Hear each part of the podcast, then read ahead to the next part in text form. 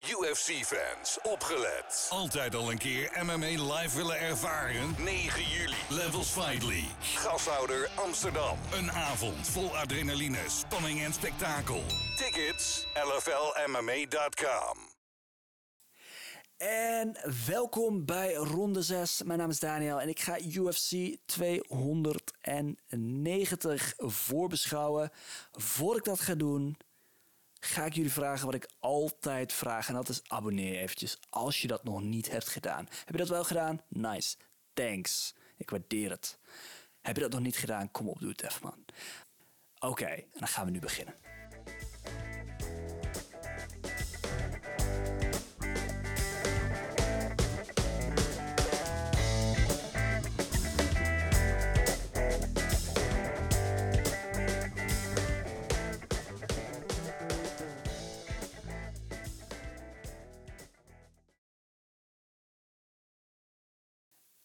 Oké, UFC 290. Het is International Fight Week. Wat houdt dat in? Heel eerlijk gezegd weet ik dat nog steeds niet. Oké. We gaan beginnen met het, de headliner van de avond. De headliner is een groot titelgevecht. Het is Alexander Volkanovski versus Jair Rodriguez. Alexander Volkanovski, de huidige vedergewichtkampioen. En je hebt Jair Rodriguez, de huidige interim kampioen. Oké. Dit soort gevechten zijn altijd fun. Dit zijn leuke, leuke gevechten. Waarom? Omdat wanneer er een interim kampioen tegenover een kampioen staat, dat houdt dus in dat de kampioen even afwezig is geweest, dat daarom een interim kampioenschap is gemaakt, om in de afwezigheid van de, van de, van de huidige kampioen toch een, nieuwe kampioen te kunnen kronen. Dat is de functie van een interim kampioenschap. En het is de bedoeling dat de interim kampioen dan in zijn volgende gevecht tegenover de kampioen staat. Wat, wat houdt dat nou precies in? Dat houdt in dat de onbetwiste nummer 1 in de vedergewichtdivisie staat tegenover de kampioen. Dat houdt het in en dat is mooi. Dit is dus niet zo dat er een gebrek aan talent is in de divisie en dat we maar gewoon de volgende in de rij pakken. Nee, Jair Rodriguez is iemand die het verdient om te vechten voor de titel. En dat maakt dit een fantastisch mooi gevecht. Oké. Een beetje achtergrond. Jair Rodriguez, natuurlijk de vierde Mexicaan die dit jaar voor de titel vecht. Twee voor hem waren succesvol. Dat was natuurlijk Brandon Moreno, die ook op dit evenement vecht. Dat was Alexa Grasso. En je had dan Irene Aldana, die kwam net tekort. Of nou ja, net tekort. Die kwam flink tekort in haar gevecht tegen Amanda. Oké, Rodriguez dus. De vierde Mexicaan die gaat proberen dat fantastische goud in handen te krijgen. Maar goed, wat betekent dat nou voor Volkanovski? Het punt is, ik denk dat dit echt een van de laatste testen kan worden voor Volkanovski in vedergewicht. Volkanovski heeft natuurlijk al een hele mooie reeks overwinningen uh, behaald in vedergewicht. En waarom is het een mooie reeks? Omdat hij in deze reeks overwinningen verschillende tegenstanders met verschillende stijlen is tegengekomen. Hij is hierin staande specialisten als Holloway en Aldo tegengekomen en ook grondspecialisten als Mendes en Ortega. Ik denk persoonlijk dat jij Rodriguez een laatste uitdaging kan bieden om Volkanovski's reputatie in vedergewicht te vestigen als een van de beste vedergewichtkampioenen aller tijden. Dat is wat ik denk dat hier voor Volkanovski op het spel staat. En geloof me, dat gevecht is nog lang niet gewonnen, want Rodriguez is een specialist. Dat ga ik zo even nader toelichten. Maar ik ga eerst even naar de statistieken. Want ik vind het belangrijk om altijd eventjes te kijken wat de cijfers zeggen. Hm? Oké. Okay. Is de kortere vechter. Jair Rodriguez is een stuk, stuk langer. Volkanovski is ook wat ouder, 34. Rodriguez is 30. Oké. Daarnaast zien we in de offensieve statistieken, dus het aantal stoten geland per minuut, zien we ook een groot verschil. En Rodriguez is een specialist op de voeten, maar toch zien we Volkanovski meer stoten landen per minuut. 6,35. Daar waar Rodriguez 4,78 landt. En dit zijn beide hoge aantallen, maar Alexander Volkanovski landt uitzonderlijk hoge volumes op zijn tegenstander. 6,35 is hoog. Is zwaar boven gemiddeld. Volgens mij is het gemiddeld 3,5 of 4.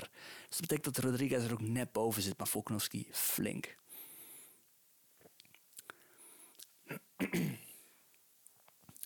Als we kijken naar worstelen, dan kijken we naar het aantal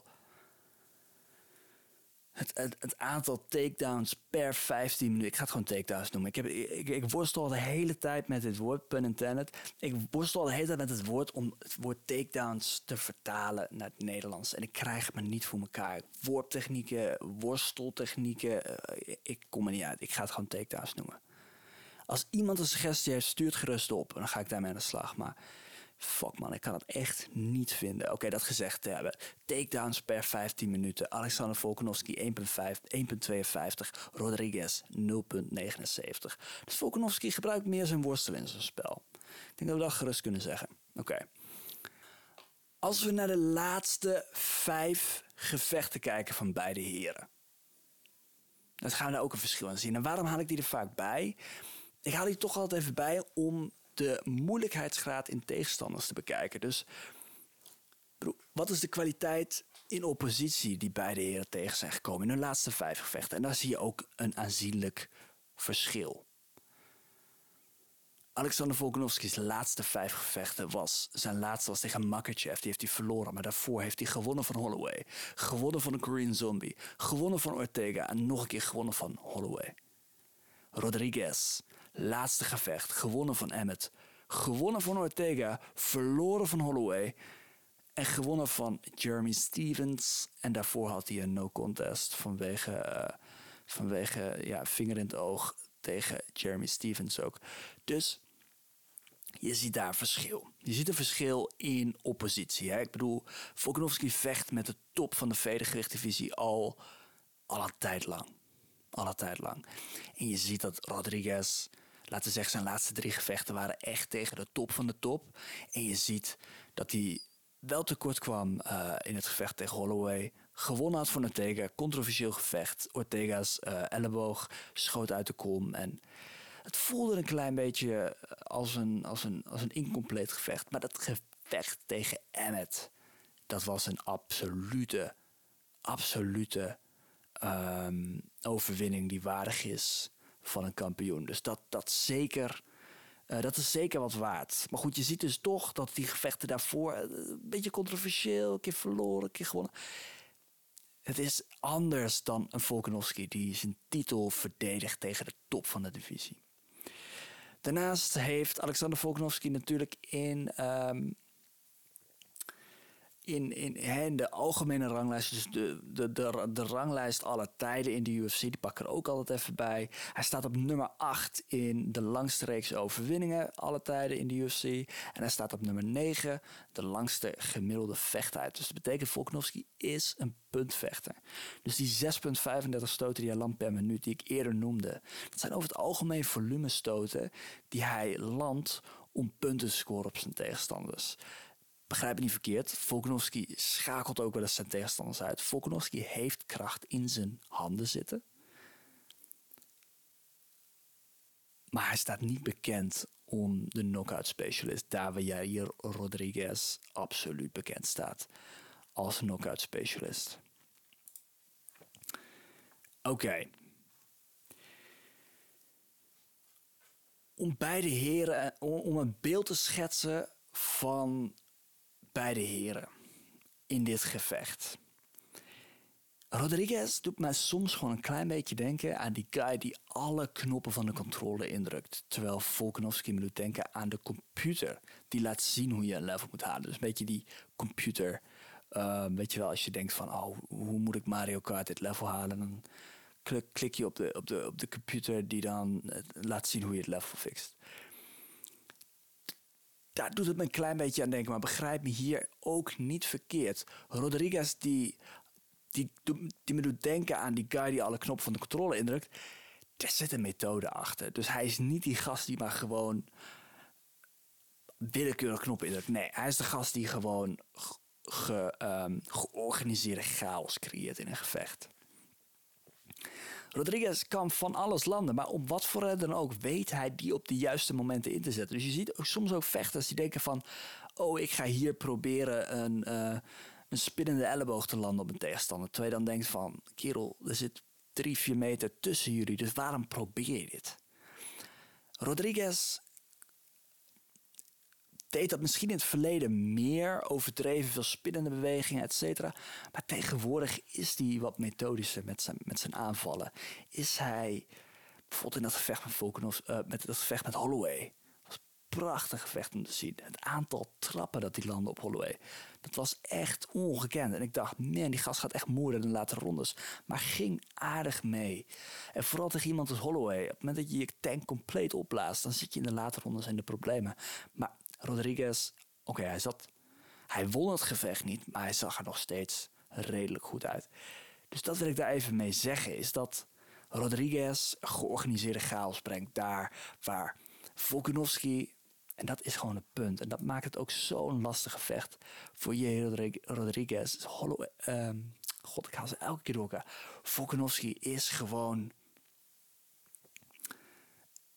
Het is, het, ja, hij, is niet voor, hij is niet voor niks de nummer 1 pound for pound geweest de hele tijd. Die gast is strategisch zo sterk en zo lastig te overwinnen. Jair Rodriguez komt het meest in gevaar als het gaat om grondposities. En dat heb ik ook in de voorbeschouwing voor UFC 284 gezegd toen hij vocht tegen Josh Emmett voor het de interim kampioenschap. Toen zei ik, Jair Rodriguez moet oppassen op de grond. Dat gezegde te hebben in UFC 284 zagen we Jair Rodriguez op de grond.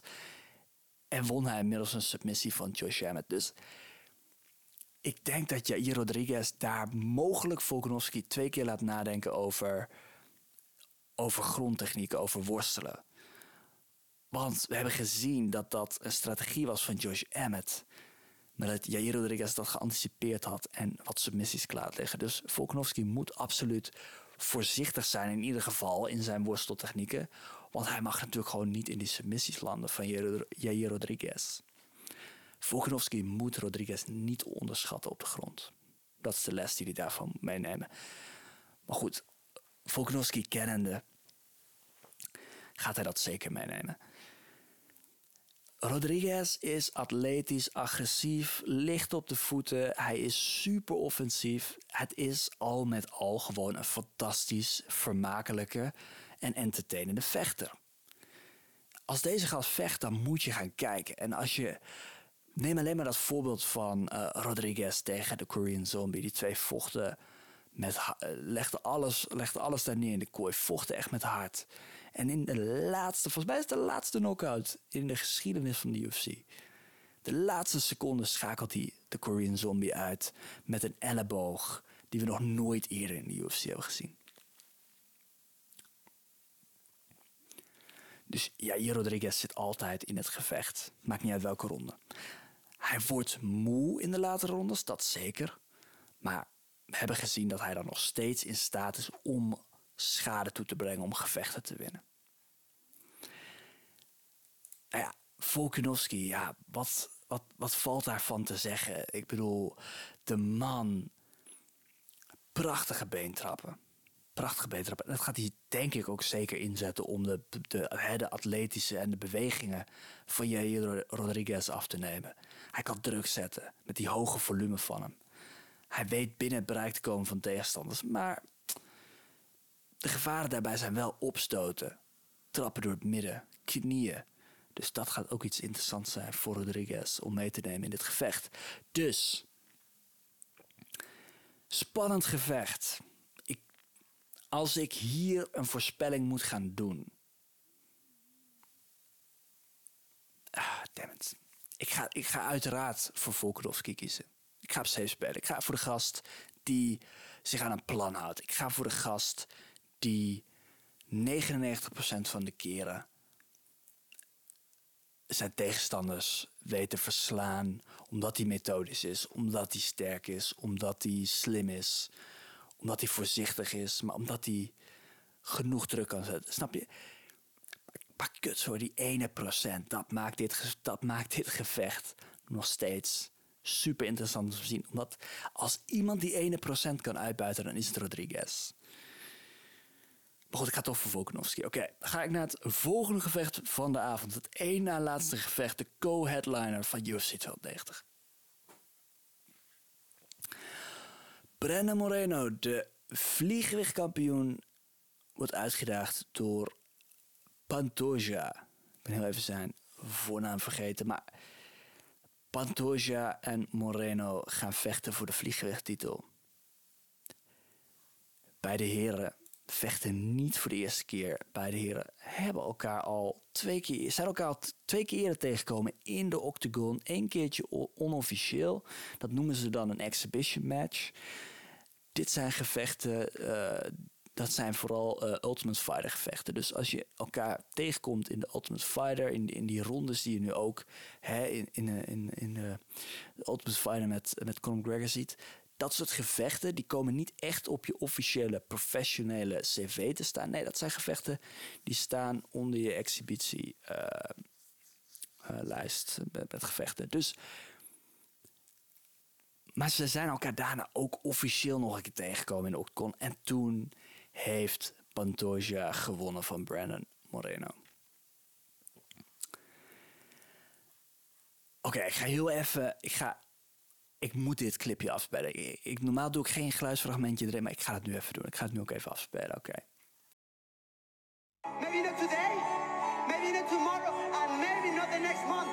But only one thing is true. I will be champion one day. I promise.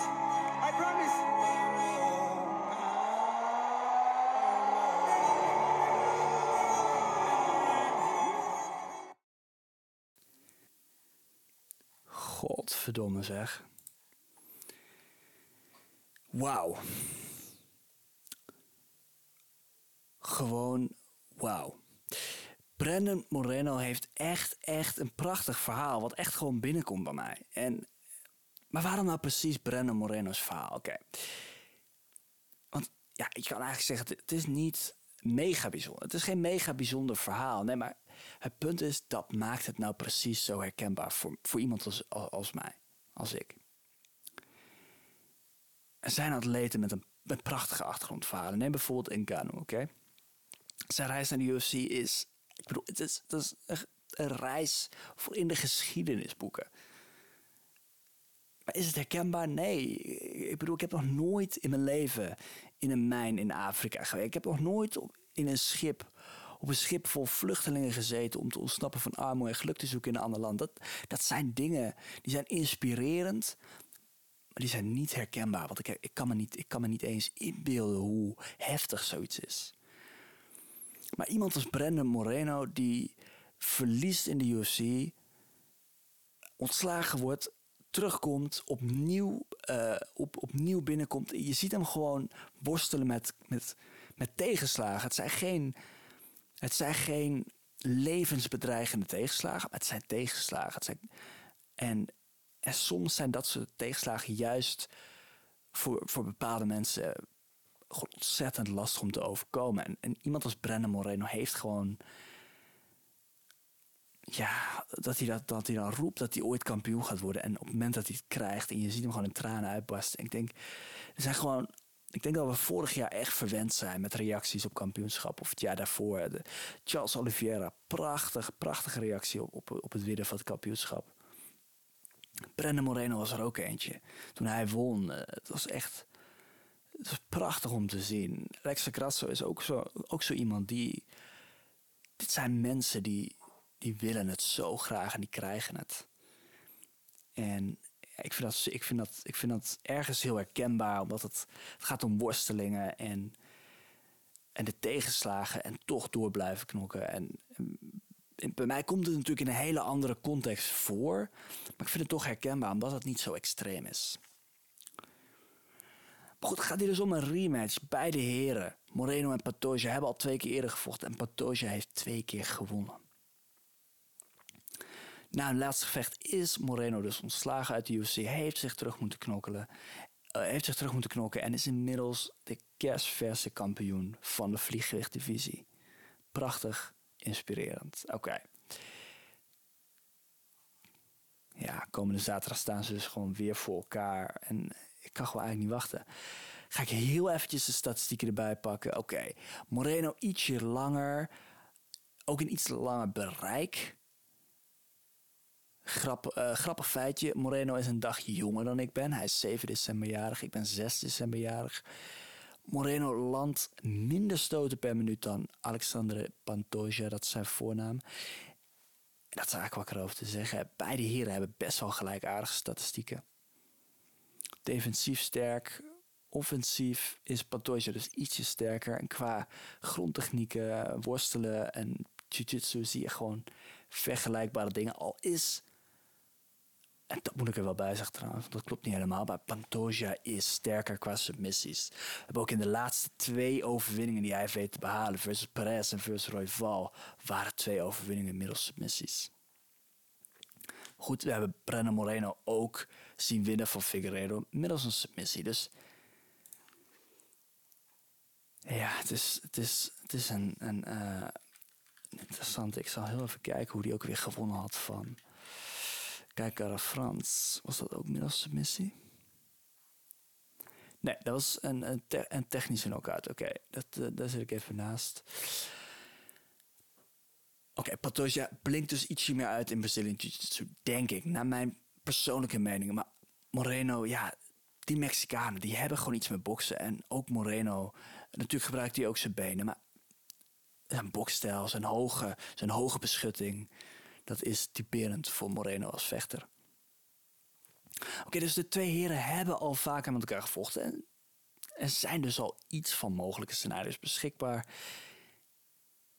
ja, heel eerlijk, in het vorige gevecht, Moreno was defensief zeer zwak. Overreikte te veel met trappen en stoten. En dat zorgde ervoor dat um, Alexandre Pantoja, dat hij binnen kon komen. Dat eigenlijk vrijwel alle stoten van Pantoja landen op Moreno. En dat Moreno echt compleet bebloed de kooi uitliep op het einde. Maar goed, Moreno, Mexicaans, Mexicaans vechters, veelal een achtergrond in boksen, zoals ik net al zei. En Moreno's bereik is langer. Maar goed, Pantoja zette in het vorige gevecht zijn stoten beter op. Maar ik denk en dat haakt in op het volgende feitje. Moreno was 24. De vorige keer dat ze vochten, Pantoja 28. 28 is verder ontwikkeld dan iemand van 24. Moreno op dit moment dus 29. Veel meer ontwikkeld. En dat brengt me dus naar het feit dat ik denk dat Moreno's boksen, Moreno's bereik, Moreno's trappen, Moreno's worstel vaardigheden, Moreno's submissie-ervaring. Ik denk dat dat allemaal samen gaat komen. En ik denk dat we de groei van Moreno in dit gevecht heel, heel duidelijk gaan zien.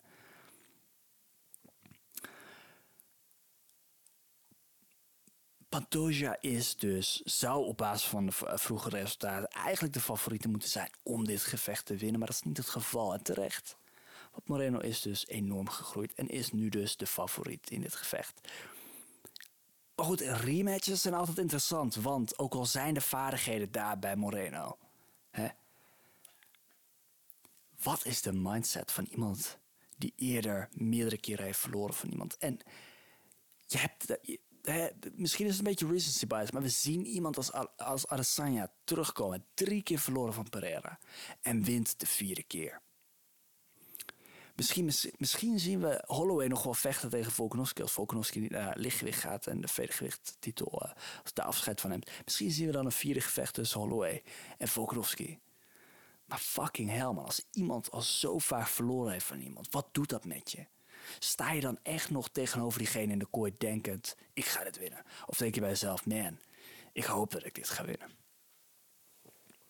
Vooral als diegene kampioen is, man, dat, dat, dat, neemt nog, dat brengt nog wat extra druk mee. Dus ik ben heel benieuwd of Moreno die knop kan omzetten en of die daar kan staan en kan denken: ik ben beter in jou en ik ga me nu niet klein laten maken en ik ga dit gevecht winnen. Oké, dan gaan we nu naar het laatste gevecht wat ik ga voorbeschouwen. En dat is mijn Fight of the Night voorspelling. En voor de mensen die dit voor het eerst luisteren, ik doe dat altijd. Tenminste, dat heb ik de afgelopen twee keer gedaan. Maar ik ga het vanaf nu altijd doen. Mijn Fight of the Night voorspelling. Oké, laat ik even de kandidaten erbij halen. Hm? De kandidaten voor mijn Fight of the Night voorspelling waren Hooker versus Turner, Brady versus Della Maddalena en Crude versus Manifield. Oké. Tromgeroffel. Mijn uiteindelijke voorspelling komt neer op Crude versus Manifield. Dus daarom ga ik ook Crude versus Manifield nog eventjes kort voorbeschouwen. Het gaat hierbij om een lichtzwaargewicht gevecht voor top 10, 15, uh, top 10 tot top 15 in de ranglijst. En het gevecht gaat plaatsvinden binnen de prelims. Jimmy Crude en Alonso Manifield hebben eerder al gevochten. En waarom? Wat is nou de reden dat ik hun kies als Fight of the Night voorspelling? Is omdat hun vorige gevecht simpelweg een absolute knaller was. Het ging heen en weer, heen en weer. Het is geëindigd in gelijk spel. Jimmy Crude won de laatste ronde. Alonso Manifield de eerste twee, als ik me niet vergis. Manifield heeft fantastisch kracht in zijn handen zitten. Crude kwam met de, met de worsteltechnieken, maar kreeg ze niet altijd. En daardoor werd het een super competitief gevecht. En de kracht van Manifield en het doorzettingsvermogen van Crude kwamen samen. En ja, als dat geen pitch is voor dit gevecht, jongen, dan, dan weet ik het ook niet meer. Uh, dan ga ik heel even de statistieken er nog even kort bij pakken. Beide heren vechten meestal maar een ronde, net iets langer dan één ronde.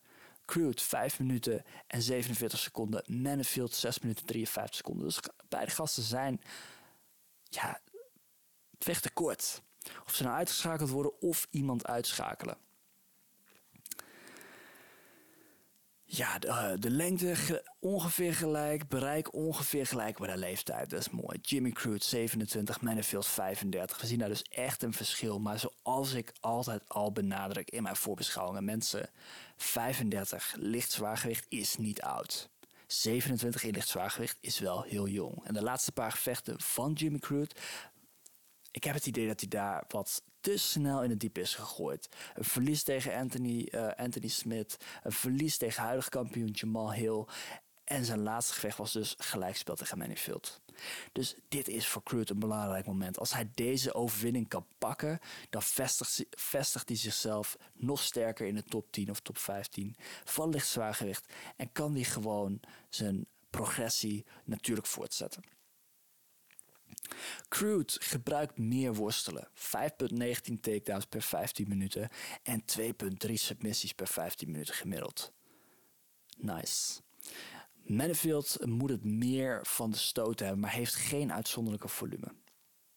Maar goed, in het vorige vecht zagen we dat als een vuist landen van Manifield, dat dat echt zichtbaar effect had op Jimmy Crude. Dus Jimmy Crude is een grondman, heeft goede worstelvaardigheden, een zwarte band in Brazilian Jiu-Jitsu. En dat niet alleen, deze man heeft ballcrack gewurgd. En wat zegt dat nou precies? Jim Crude heeft de wurger onder de wurgers verwurgd. Jep. Neem dat maar eens op.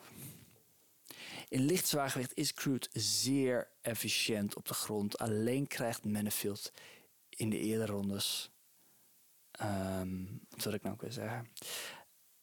Alleen krijgt hij, kreeg Manifield in de eerdere rondes met moeite naar de grond. dat komt omdat Manifield gigantisch krachtig is.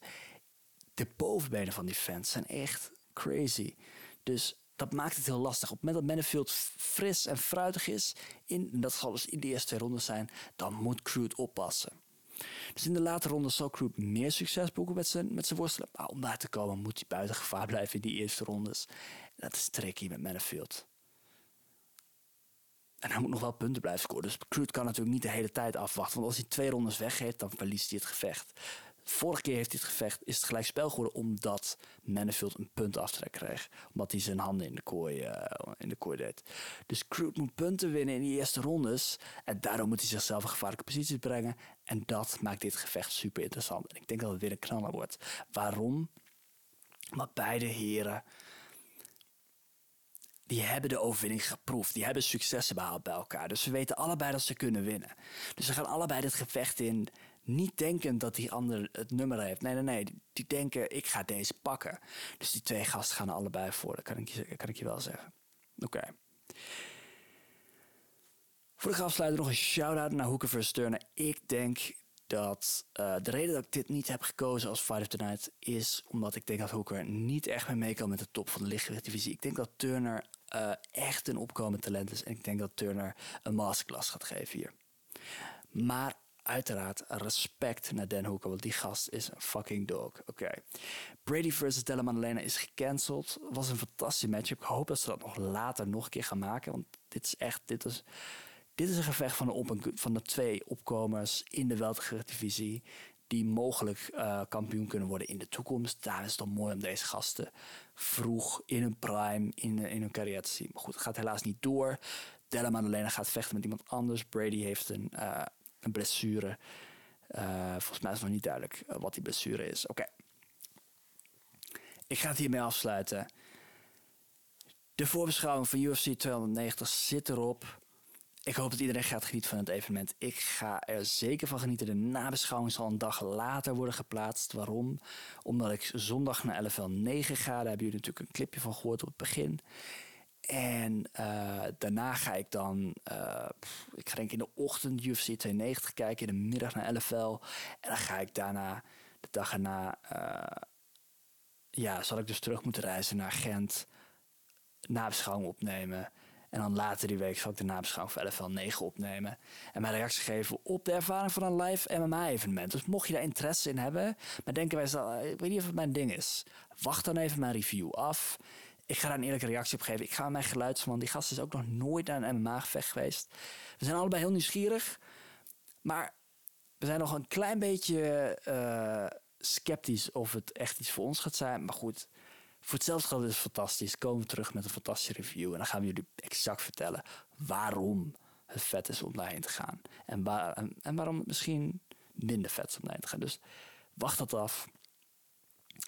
Um, Oké, volg me nog even op mijn kanalen. Spotify, Apple, daar ben ik te vinden. Dank daarvoor. Ik, ik waardeer dat echt enorm als mensen dat doen. Um, ik doe dit inmiddels nu ik ben begonnen met UFC 280. Het is nu inmiddels UFC 290. Dus 10 pay-per-view evenementen ben ik bezig met voorbeschouwing. Ze staan niet allemaal online. Ik ben echt pas officieel begonnen met posten bij UFC 294 of 480. Wat ik daar gewoon mee wil zeggen is, ik doe dit echt met veel plezier. En ik hoop hier echt, uh, echt wel van, te kunnen maken. Dus elk abonneetje draagt er aan bij. Zorg ervoor dat ik verder kan hiermee. En ja, thanks daarvoor. Dus ik, ik ben voor de mensen die al geabonneerd hebben, ik waardeer het echt enorm. Oké, okay. dankjewel hiervoor en tot de volgende.